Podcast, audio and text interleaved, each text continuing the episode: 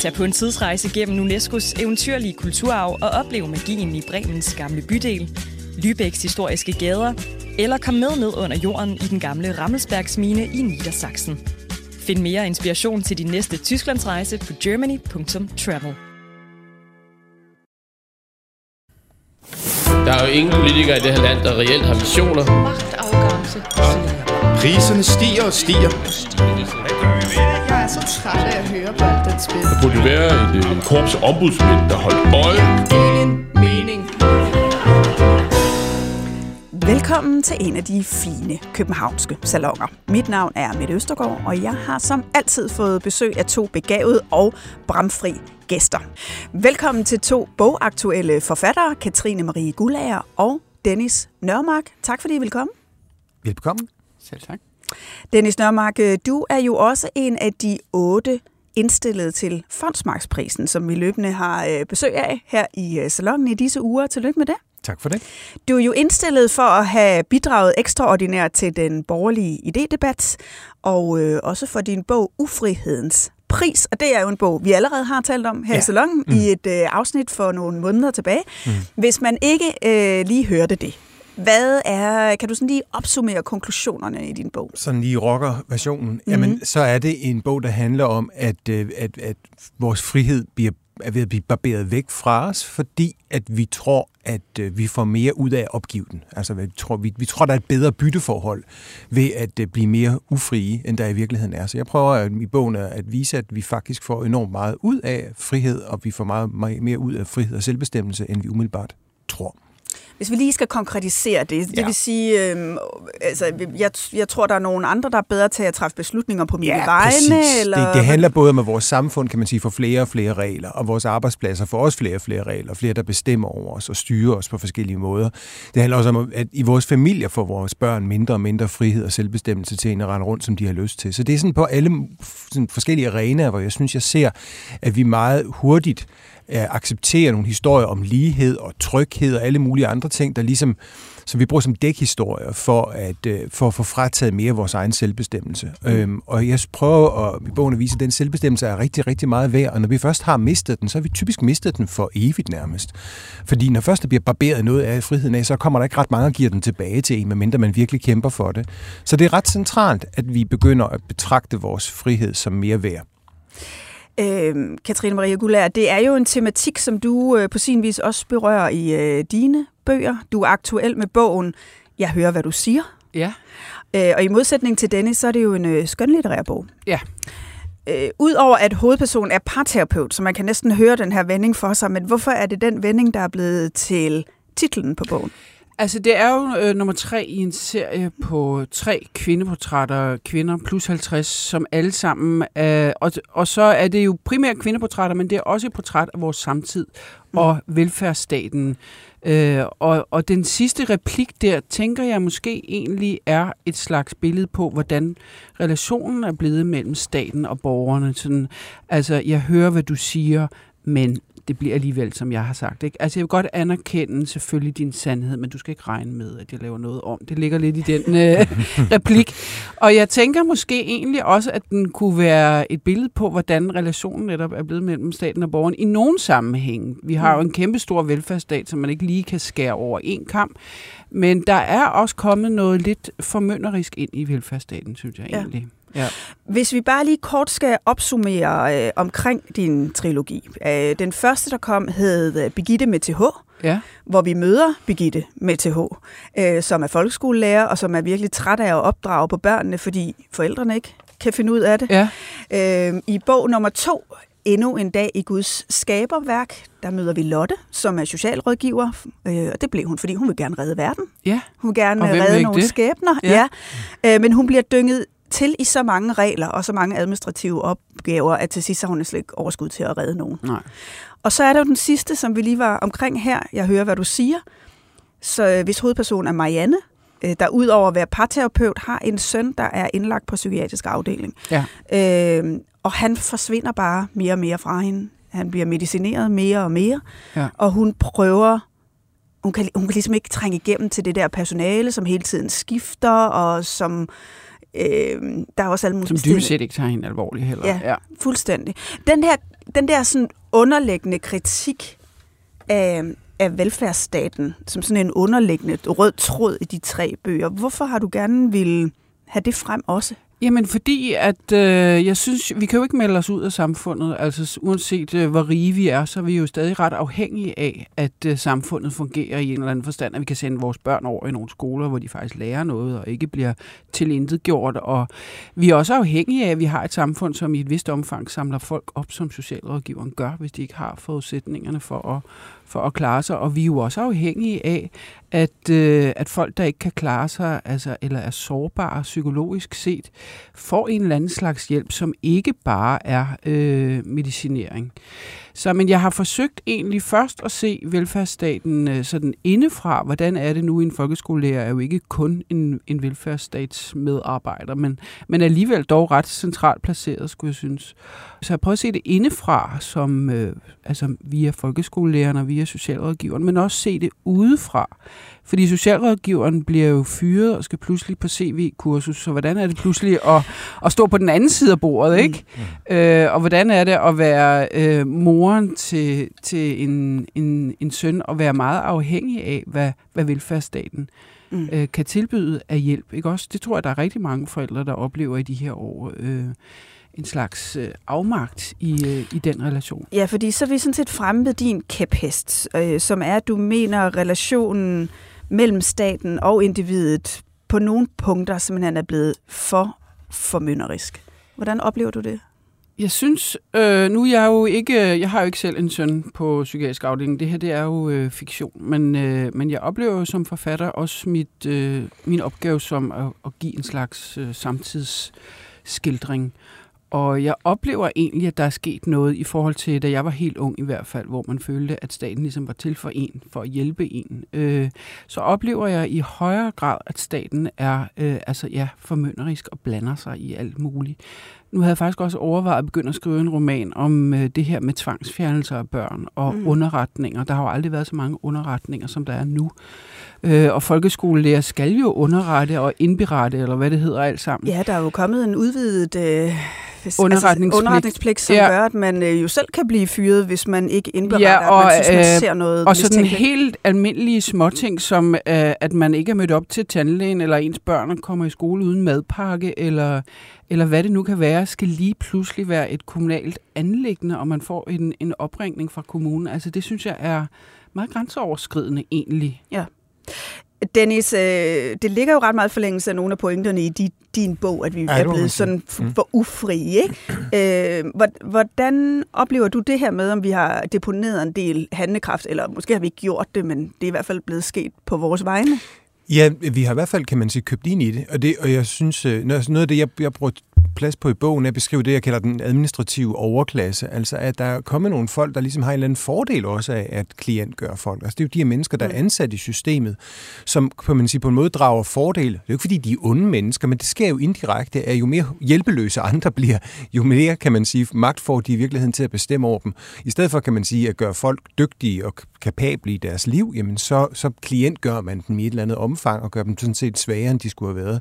Og man tager også nogle af de elementer ud, som vi vil ligge i et civilsamfund, hvor vi er kærlighed og et ønske om at hjælpe hinanden, støtter og understøtter og øh, kan man sige, prøver at redde hinanden ud af de problemer, vi står i, mm. i stedet for at man går ned på kommunen, hvor der er jo altså nogen, der har et, et, et, et andet, kan man sige, det er jo ikke et, et, et, et kærlighedsforhold, øh, kommunen har til dig. Nej, og det måske er, det er også et andet, mere professionelt forhold. Ikke? Familien nogle gange øh, fylder mindre for os, fordi ja. øh, vi er faktisk ikke så afhængige af, at der er nogen omkring øh, os i familieregi til at passe på os, fordi man kan altid lige gå ned på kommunen. Jeg læste en anden undersøgelse engang, den har et par år på banen, hvor, hvor det var noget med, at 75 procent af danskerne ville hellere gå ned på, til staten eller kommunen, hvis de var i finansielle vanskeligheder, end spørge deres egen familie. Ikke? Og det siger jo altså noget om, at, vi har, at vi, det er sådan en pseudo-familie, øh, vi, vi går til med vores problemer i stedet for. Og det er bare ikke den, de rigtige til at løse vores problemer for os, øh, fordi der, så afgiver vi igen noget af vores magt, noget af vores selvbestemmelse og noget af vores myndighed. Men det, der også er tydeligt i dine bøger, Katrine, det er jo, at man kan jo ikke rigtig blive viklet ud af det velfærdssamfund. Altså, vi, vi bliver jo mødt Jeg med tror... det i mange dele af vores liv, og det er så integreret en del af hele vores samfund. Ja, altså jeg, tro, jeg hæftede mig ved, at uh, Pelle Dragsted i den sidste åbningstale til Folketinget sagde, at uh, det, var, det var Venstrefløjens opgave ikke bare at beskytte borgerne mod den økonomiske magt, men også mod statens magt. Der tænker jeg, der er virkelig sket noget her, når, Ja, når. Venstrefløjen siger sådan. Men jeg tror egentlig ikke, det er ond vilje, og alle mennesker kan jo desværre ikke bare forlade sig på deres familie. Jeg tror bare, at det er måske sådan et eller andet med, at man tror, at man kan regel... Øh, ja, man tror, man kan sikre sig mod alt det ulykkelige og forfærdelige i livet ved at lave en masse foranstaltninger og en masse regler, og så kan man ligesom forsikre sig mod, altså man kan jo også blive forsikret mod alt i dag, ikke? Mm. Og, men problemet er jo bare, jo mere man forsikrer sig, øh, jo mere skal man faktisk blive ved med at forsikre sig. Altså det er sådan skruen uden ende, at man, ja, man tror, man kan gardere sig mod et eller andet, som man ikke kan gardere sig mod, ikke? Mm. Altså det er jo også det typisk med de her børnesager, så kommer der nogle store forfærdelige børnesager, og så skal politikerne gribe ind, og så kommer der en hel masse nye regler, Mm. som jo ikke nødvendigvis øh, altså kan forsikre os mod den ulykke, det er, at der er børn, der bliver mishandlet, for eksempel. Ikke? Mm, mm. Der er en planlægningsmani, ikke? En, en, en idé om, at netop man kan et eller andet sted mitigere alle risici og få styr på det og lave en eller anden form for handleplan i, i alt her i livet. Ja. Øh, og det er ikke en, en handleplaner, der, der løser vores problemer. Det er, at vi alle sammen bliver robuste og i stand til at håndtere modstand og problemer, når de opstår for os. I stedet for, kan man sige, blive mindre, mindre, mindre kapable i at løse vores egne problemer. Ja, og så er der den krølle i det, ved jeg, du også mener, Dennis, at, at velfærdsstaten har også udviklet sig på en måde, så den i virkeligheden er mere til for middelklassen end den underklasse, som måske reelt havde et behov. Det er jo simpelthen et, et faktum. Når du kigger på det, kan du se, at, at den, altså, den, den sociale mobilitet i Danmark, har vi altid fået at vide, den er, den er fantastisk. Det er den simpelthen ikke. Den er på niveau med USA's.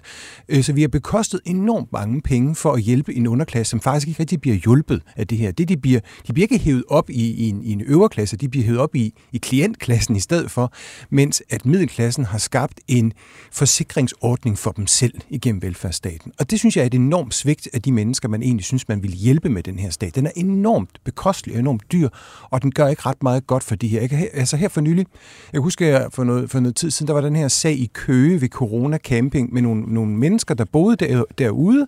Øh, og før kunne de godt lide at bo, men så kom kommunen og smed dem ud, fordi man skal ikke bo i sådan en, en campingvogn, fordi det skal man ikke. For det siger jo, det, kommunen i sin utrolige omsorg har bestemt sig for, at sådan noget sådan sted skal man ikke bo. Man Altså bo fordi det ikke var sted. godt nok, eller Det hvad? var godt nok. Mm-hmm. Og, og folk protesterede jo derude, og folk råbte og skreg, sådan, vi vil, fandme, vi vil gerne have lov til at bo herude, for det vil vi gerne. Ikke? Altså, at der ikke i virkeligheden rejser sig en protest for os alle sammen om, hvorfor i himlens navn må de mennesker ikke bo derude. Det siger bare om, hvor meget vi har anammet statens forestilling om, at den ved i virkeligheden bedst. Ja. Noget af det, som I begge to nævner, det er jo øh, det her regelmonster, øh, som staten efterhånden er ved at udgøre, og som man også skal kunne navigere i som individ. Nu har regeringen jo i hvert fald proklameret, at det vil man gerne gøre et vist opgør med. Øhm, og statsminister Mette Frederiksen lancerede tirsdag i den her uge øh, et meget længeventet ældreudspil, som jo gerne skulle gøre de ældre mere frie. Øhm, og jeg har taget et øh, klip med, ikke fra Mette Frederiksen, men fra ældreminister Mette Kirkgaard, øh, som jeg bed særligt mærke i. Lad os lige prøve at høre det. Jeg talte med nogle social- og sundhedsmedarbejdere, der fortalte om, at når de går på arbejde, så tør de faktisk ikke spørge de ældre, hvordan de har det. Fordi de ved, hvis der er noget galt, så er der hverken plads eller tid til at gøre noget ved det, fordi de skal videre til den næste opgave på kørelisten hos den næste ældre. Det er vel også noget af det, som en af dine hovedpersoner oplever, Katrine Marien, øh, i øh, den seneste bog her. Jeg hører, hvad du siger, ikke? i det mm. psykiatriske øh, system. Mm. At der simpelthen heller ikke er luft til faktisk at se individet. Ja, og jeg tænker, ja, og det der sådan øh, enorme tyranni i, øh, hvordan, hvordan netop tingene skal gøre, og, og som øh, socialrådgiveren siger i, øh, i den anden roman, så har man jo, altså når personen på den anden side af bordet ikke længere er et menneske, så mister man altså også noget selv. Altså, og det tror jeg måske egentlig er lidt af det, der er forsvundet ud, fordi man er så styret af, hvad man må og ikke må, og, og så har man faktisk ikke muligheden for at få øje på hinanden som, øh, som mennesker. Og ja, det skaber bare nogle, øh, nogle meget mekaniske, meget rigide systemer, som, øh, som bliver utroligt triste, både for, for dem, der er øh, i dem, men altså jo også for dem, der skal administrere dem. Det er som om, der ikke er nogen tillid til, mm. at socialrådgiveren nok skal gøre det bedste. Der er ingen tillid til, at folkeskolelæreren nok skal gøre det bedste. Der, der mangler simpelthen den her tillid til, at folk, der er uddannet til et eller andet, de nok skal finde ud af at gøre det der er nødvendigt at gøre. Altså jeg husker til, til, til, til Ufriheden pris, der, der lavede vi nogle interviews med, med pædagoger og skolelærer, der var, der var lærere i 70'erne og 80'erne, og der var stort set ikke nogen, der blandede sig i, hvad de lavede. De havde en ekstrem udstrakt grad af frihed og selvbestemmelse, de, og de elskede deres arbejde. De syntes, det var fedt, og det var sjovt. De lå ikke mærke til, hvornår de sådan set var på arbejde, hvornår det var fritid, for det hele faldt, det, det var et kald for dem i virkeligheden, der blev besvaret i deres arbejde. Øh, og det er meget den, den forestilling, som, altså, det er meget den, den, den lyst til arbejde, som er blevet ødelagt af de her systemer, som du beskriver, ikke? Mm. Øh, hvor, hvor der er flere og flere kan man sige, biokrater, der, har, der, har, der ikke stiller sig tilfreds med, at du bare har en faglighed, du bringer i spil på dit arbejde. De vil gerne have mål på den faglighed, de vil gerne have sat den i et system, fordi de grundlæggende ikke forstår den. Ikke? Ja. Og jo mere de mennesker får magt, jo, jo, jo mere indsnævret bliver det, det, det rum, som den der, den der kaldede medarbejder kan agere i. Præcis. Jeg oplevede det faktisk også bare på et bibliotek. Mm. Øh, så spurgte jeg ham, det kender du vel ikke som bibliotekar? Vel, jo jo, altså han skulle også, hvis han skulle holde et arrangement, så skulle han komme med en målsætning og en forventning, og hvor mange publikummer, ja. og bagefter så skulle han evaluere, og hvor ja. mange var der så, og så videre. Altså, hvad hvis man bare havde en god aften, ja. og det løb rundt? Var det så ikke godt nok? Ja. Nej, det var det åbenbart ikke. Nej. Det er et virkelig spændende emne, og der er masser at tage fat på, og vi øh, ved jo nu, at regeringen øh, faktisk gerne vil af med nogle af de her regler. Nu er de kommet med et udspil på ældreområdet, der kommer snart øh, forhandlinger omkring folkeskoleområdet. Jeg har det sådan lidt med det, når vi taler afbyråkratisering. Jeg vil altid gerne lige se det, før jeg tror det. Men vi skal videre til din kæphest, Dennis. Tag på en tidsrejse gennem UNESCO's eventyrlige kulturarv og oplev magien i Bremens gamle bydel, Lübecks historiske gader, eller kom med ned under jorden i den gamle Rammelsbergsmine i Niedersachsen. Find mere inspiration til din næste Tysklandsrejse på germany.travel.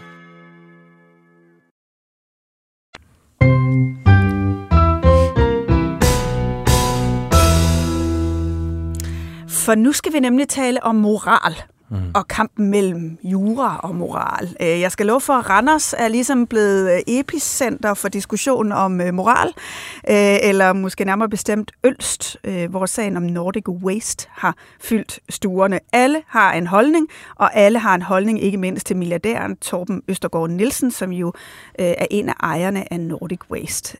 Og det er der rigtig mange, der har haft travlt til at gøre sig til dommer over, hvad der er god moral i den her sag. Men inden vi lige dykker ned i det konkrete, så lad os lige prøve at zoome lidt ud, Dennis. Fordi din kæphest, den handler om, at de borgerlige har overladt moral til venstrefløjen. Prøv at forklare det, hvorfor. Jamen, altså, det er jo, det er jo et spørgsmål om, hvem, hvem vinder kampen om det gode, ikke? og hvad er, et, hvad er et godt menneske, og hvad er et godt samfund. Øh, og der er, det, der er det jo lykkes mange venstreorienterede mange år at beskrive sig selv som dem, der vil det gode. De vil gerne hjælpe andre mennesker, de vil gerne gøre det gennem det her system, som vi, som vi lige har snakket om. De vil gerne omfordele mere til de fattige, de vil gerne løfte dem op af deres armod, og det er jo alle sammen, kan man sige, gode ting. Øh, og derfor så er, er højrefløjen altid kommet til at stå lidt som dem, der bare tænkte mere på penge og var ikke så optaget af at løfte de her sociale problemer. Det var bare, alle var sin egen lykkes med, og derfra var der ligesom ikke mere at komme efter.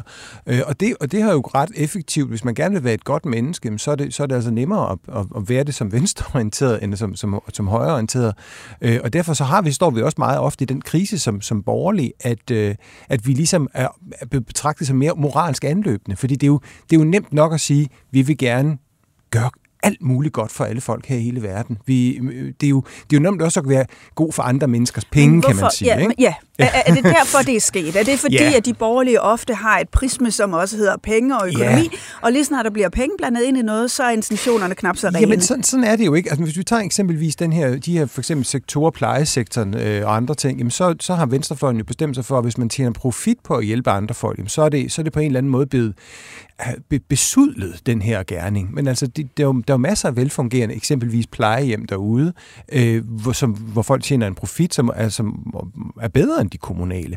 Så det er jo, det er jo en, det er sådan en fordom om, at hvis der er penge involveret i det, og hvis det handler om profit, øh, så er det nødvendigvis også moralsk er anfægteligt på en Men eller er anden de måde. borgerlige ikke selv udenom, at de Jo. ikke har været i stand til at forklare deres øh, standpunkt? Fordi der ligger jo også en, øh, en, en enorm medmenneskelig i, øh, øh, menneskelighed i at gøre folk kapable til at være herre i deres eget liv. Det vil jeg jo mene. Jeg, jeg, jeg har jo altid ment, at når folk det taler om, bor, bo- om borgerlig anstændighed, så bliver jeg altid sådan lidt perpleks over det, for jeg synes, det mest anstændige, man kan være, er, er at være borgerlig, fordi det handler om lige præcis ikke at, at, at bare hjælpe folk, men også forlange noget af dem, og sige, at du skal faktisk også, kan man sige, hjælpe dig selv.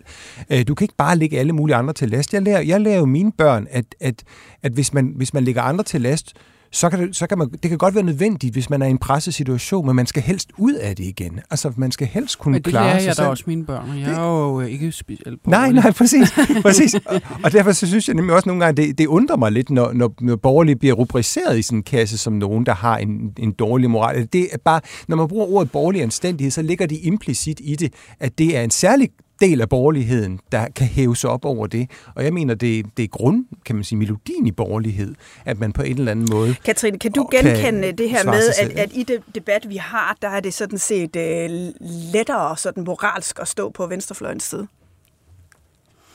Åh, oh, det ved jeg ikke, om jeg kan sige sådan helt overordnet. Jeg synes, der er mange øh, gode borgerlige værdier, og jeg synes, der er mange gode venstreorienterede værdier. De gode venstreorienterede værdier er selvfølgelig, at, øh, at vi er nødt til at sørge for de svageste, og øh, at øh, vi er nødt til at også have en omfordeling af, af den økonomiske magt, hvis ikke det skal blive et alt for ulige samfund, fordi det et alt for ulige samfund skaber nogle kæmpe problemer. Så er der nogle borgerlige værdier, som jeg godt kan lide, som handler om frihed, og som handler om øh, klar dig selv så meget du overhovedet kan, og være fri til at gøre lige, hvad du vil, øh, når du vil det, så længe du ikke generer andre. Så jeg synes, at der er gode værdier på, på begge sider, mm. egentlig. Ja, og, og der jo også kommer nogle sådan dogmer, ikke? når du for eksempel siger, når er det altid venstrefløjen, som siger, at vi skal hjælpe de svageste. Det er der jo faktisk rigtig mange borgerlige, der, Der er også masser synes, borgerlige, øh, Borgerlige fordi det er en del af, af velfærdssamfundet, men det er måske ikke den fortælling, der har Ja, været. er velfærdssamfundet, og i Præcis. stedet for velfærdsstaten, og det er der, der, det, det er der forskellen består. Vi skal lige have dykket lidt ned i øh, Nordic Waste, fordi jeg synes simpelthen, det er så interessant mm. at se, hvad det er, der øh, udspiller sig i den her sag. Øh, Det handler jo om øh, Torben Østergaard Nielsen, som jo var ejer af Nordic Waste. Han lod virksomheden gå konkurs, øh, og det gør jo, at han i udgangspunktet ikke kan holdes økonomisk ansvarlig for skaderne. Han har lavet en såkaldt klimafond, Øhm, og øh, Folketinget har også doneret 200 millioner til oprydning, men, men den oprydning kan jo estimeret løbe op i over 2 milliarder kroner. Og lige nu er der så en diskussion om ansvaret. Kommunen sagde først, vi har slet ikke en del af ansvaret. Nu viser det sig, at man har begået en hel masse fejl, så det slipper de ikke for. Men det, der er den centrale diskussion, det er jo, hvor stort et ansvar Torben Østergaard Nielsen har. Ikke juridisk, mm. men moralsk, fordi han er milliardær. Hvordan har du set på den diskussion? Den? selvfølgelig har han da et moralsk ansvar. Det siger det sig selv. Altså, det er sådan, folk sådan siger, men jamen, manden har så mange virksomheder og så videre. Jo, jo, tak. Men altså, hvis jeg, havde, hvis jeg, hvis jeg godt kunne tænke mig at have 15 børn, men jeg kunne i stand til ligesom at passe seks af dem, og resten må kommunen tage sig af, det dur jo ikke.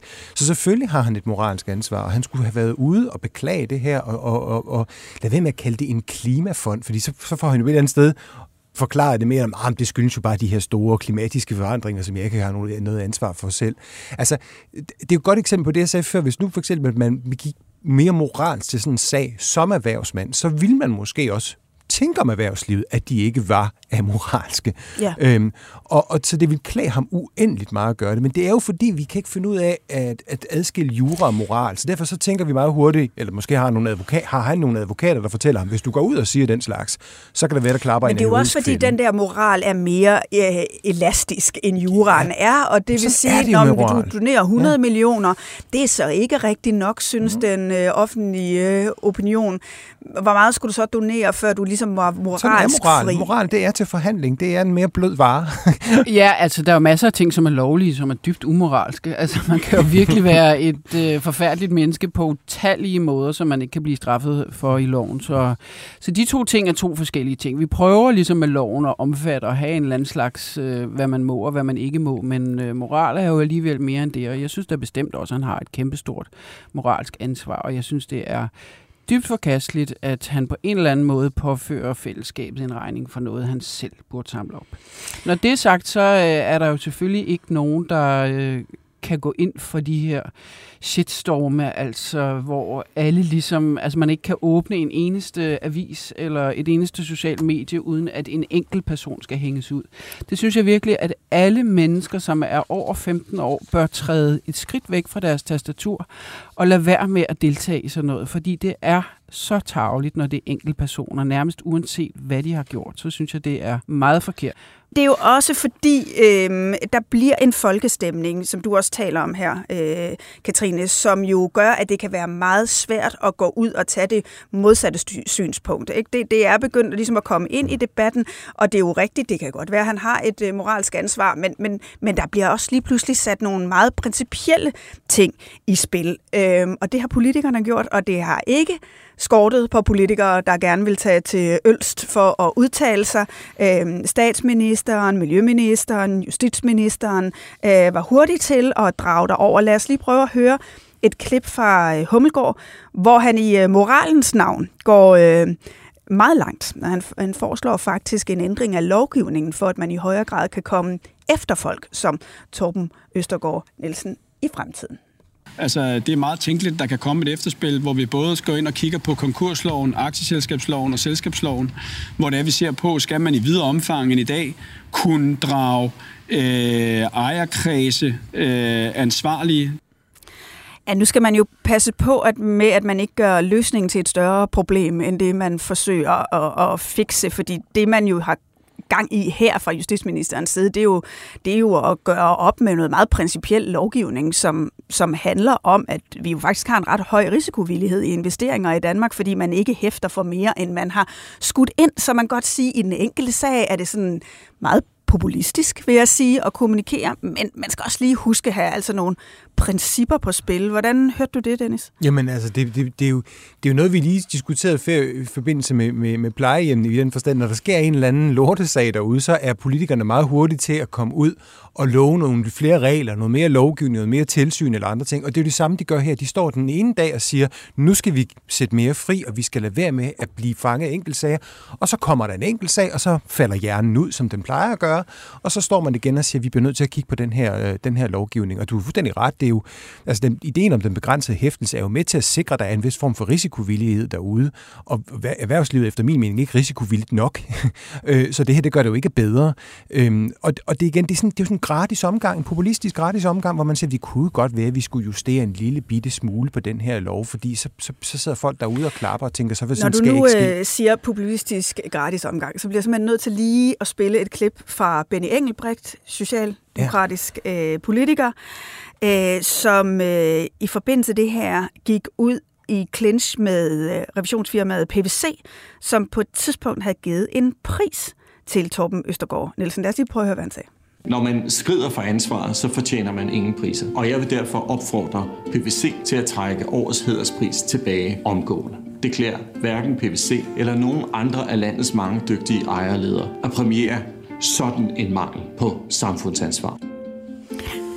Ja, altså det er virkelig med underlægningsmusik, det her. Det er ikke bare, jeg vil bare lige understrege, det er ikke sådan et hurtigt udfald, han har fået, fået mm. på sociale medier. Det er sådan velproduceret af Socialdemokraterne. Der kommer et øh, socialdemokratisk skilt på mm. i slutningen. Der er underlægningsmusik.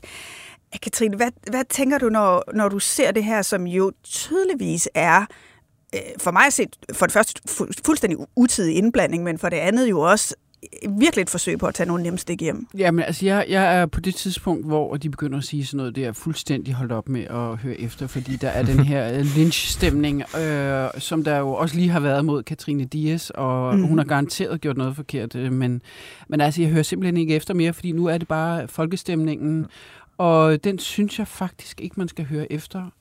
Men jeg synes, måske har han ret. Altså, måske er det her en, en forretningsmand, der, øh, der løber fra sit moralske ansvar, og også har gjort det før, og så må man da tænke over, om det virkelig er, er noget, der skal belønnes. Men jeg synes, at det Men her han med... er ude at det og hele... nærmest at cancele et helt revisionsfirma på grund af en Ja. pris. Det er også Men nu kender jeg meget ikke- s- store skyt, synes jeg, i debatten. og det, nu kender jeg ikke hverken prisen eller det firma, men Men jo, der er et, øh, et moralsk problem. Jeg mener bare ikke, at vi alle sammen bliver klogere af at, at hisse os op øh, og, øh, og netop lave den her sådan vilde folkestemning. Øh, Liberal Alliances leder Alex Vanopslag øh, var ude i et interview øh, torsdag her øh, på Berlingske, øh, hvor han netop kaldte regeringens angreb på Torben Østergaard Nielsen for grænseoverskridende. Han nævnte faktisk også Dias-sagen, som du mm. selv er inde mm. på, og sagde, at vi efterhånden har sådan en tendens til at kaste os ud i hekseafbrændinger, mm. som netop er moralske. Mm. Mm. Mm. Og der er jo selvfølgelig en moralsk kerne i det, som er øh, rigtig nok og vigtig nok, og det er den, der ligesom antænder det hele. Også med Katrine Dias, det er jo forkert ligesom at stille sig an med, med lånefjer, lånefjer. Men, øh, men altså, det har vi jo alle sammen forstået efter 10 minutter, og så fortsætter det bare igen og igen og igen i dagevis. Altså, Ja, der er i hvert fald noget med at holde fast klap i, hvad kernen hænderne væk er. fra tastaturet, og så lad os lige tænke os om. Ja, og men igen, hvis, hvis, igen, hvis nu at Torben Østergaard havde været ude og, for, og vise lidt menneskelighed og lidt medfølelse, så kunne det godt være, at det ikke var løbet fuldstændig af sporet på den her måde. Så det er jo alle sammen, der kan man sige, der, det, det, det starter der, og så ender det i et ulækkert sted med Benny Engelbrecht, øh, hvor, hvor man ligesom kæmper om at være den moralsk mest renskuret i mængden. Ikke? Øh, og det, jeg kan måske tilgive, når det er en mand, der ikke er minister, men jeg synes, når de, når de er minister inde i regeringen, som faktisk har ansvar for noget den lovgivning, der er, og så sidde på baggrund af den lov, så må de jo have lavet den om tidligere, hvis de synes, den var så forfærdelig, i stedet for at stå derude og score billige point i Randers. Den dame og øh, den herre, tak fordi I ville øh, komme i øh, salongen i dag. Øh, jeg er, øh, jeg er rigtig glad for, at vi også fik inddraget øh, skønlitteraturen ja. her i, øh, i salongen, fordi ganske ofte så siger den jo noget meget klart om den tid, vi lever i. Så tak, Katrine Marie Gullær og Dennis Nørmark. Tak fordi man kom. Tak.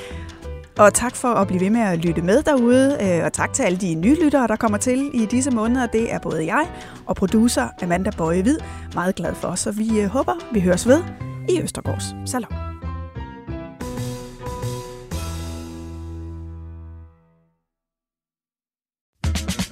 Vidste du, at Tyskland har 52 unikke grunde til at få pakket bilen og komme afsted?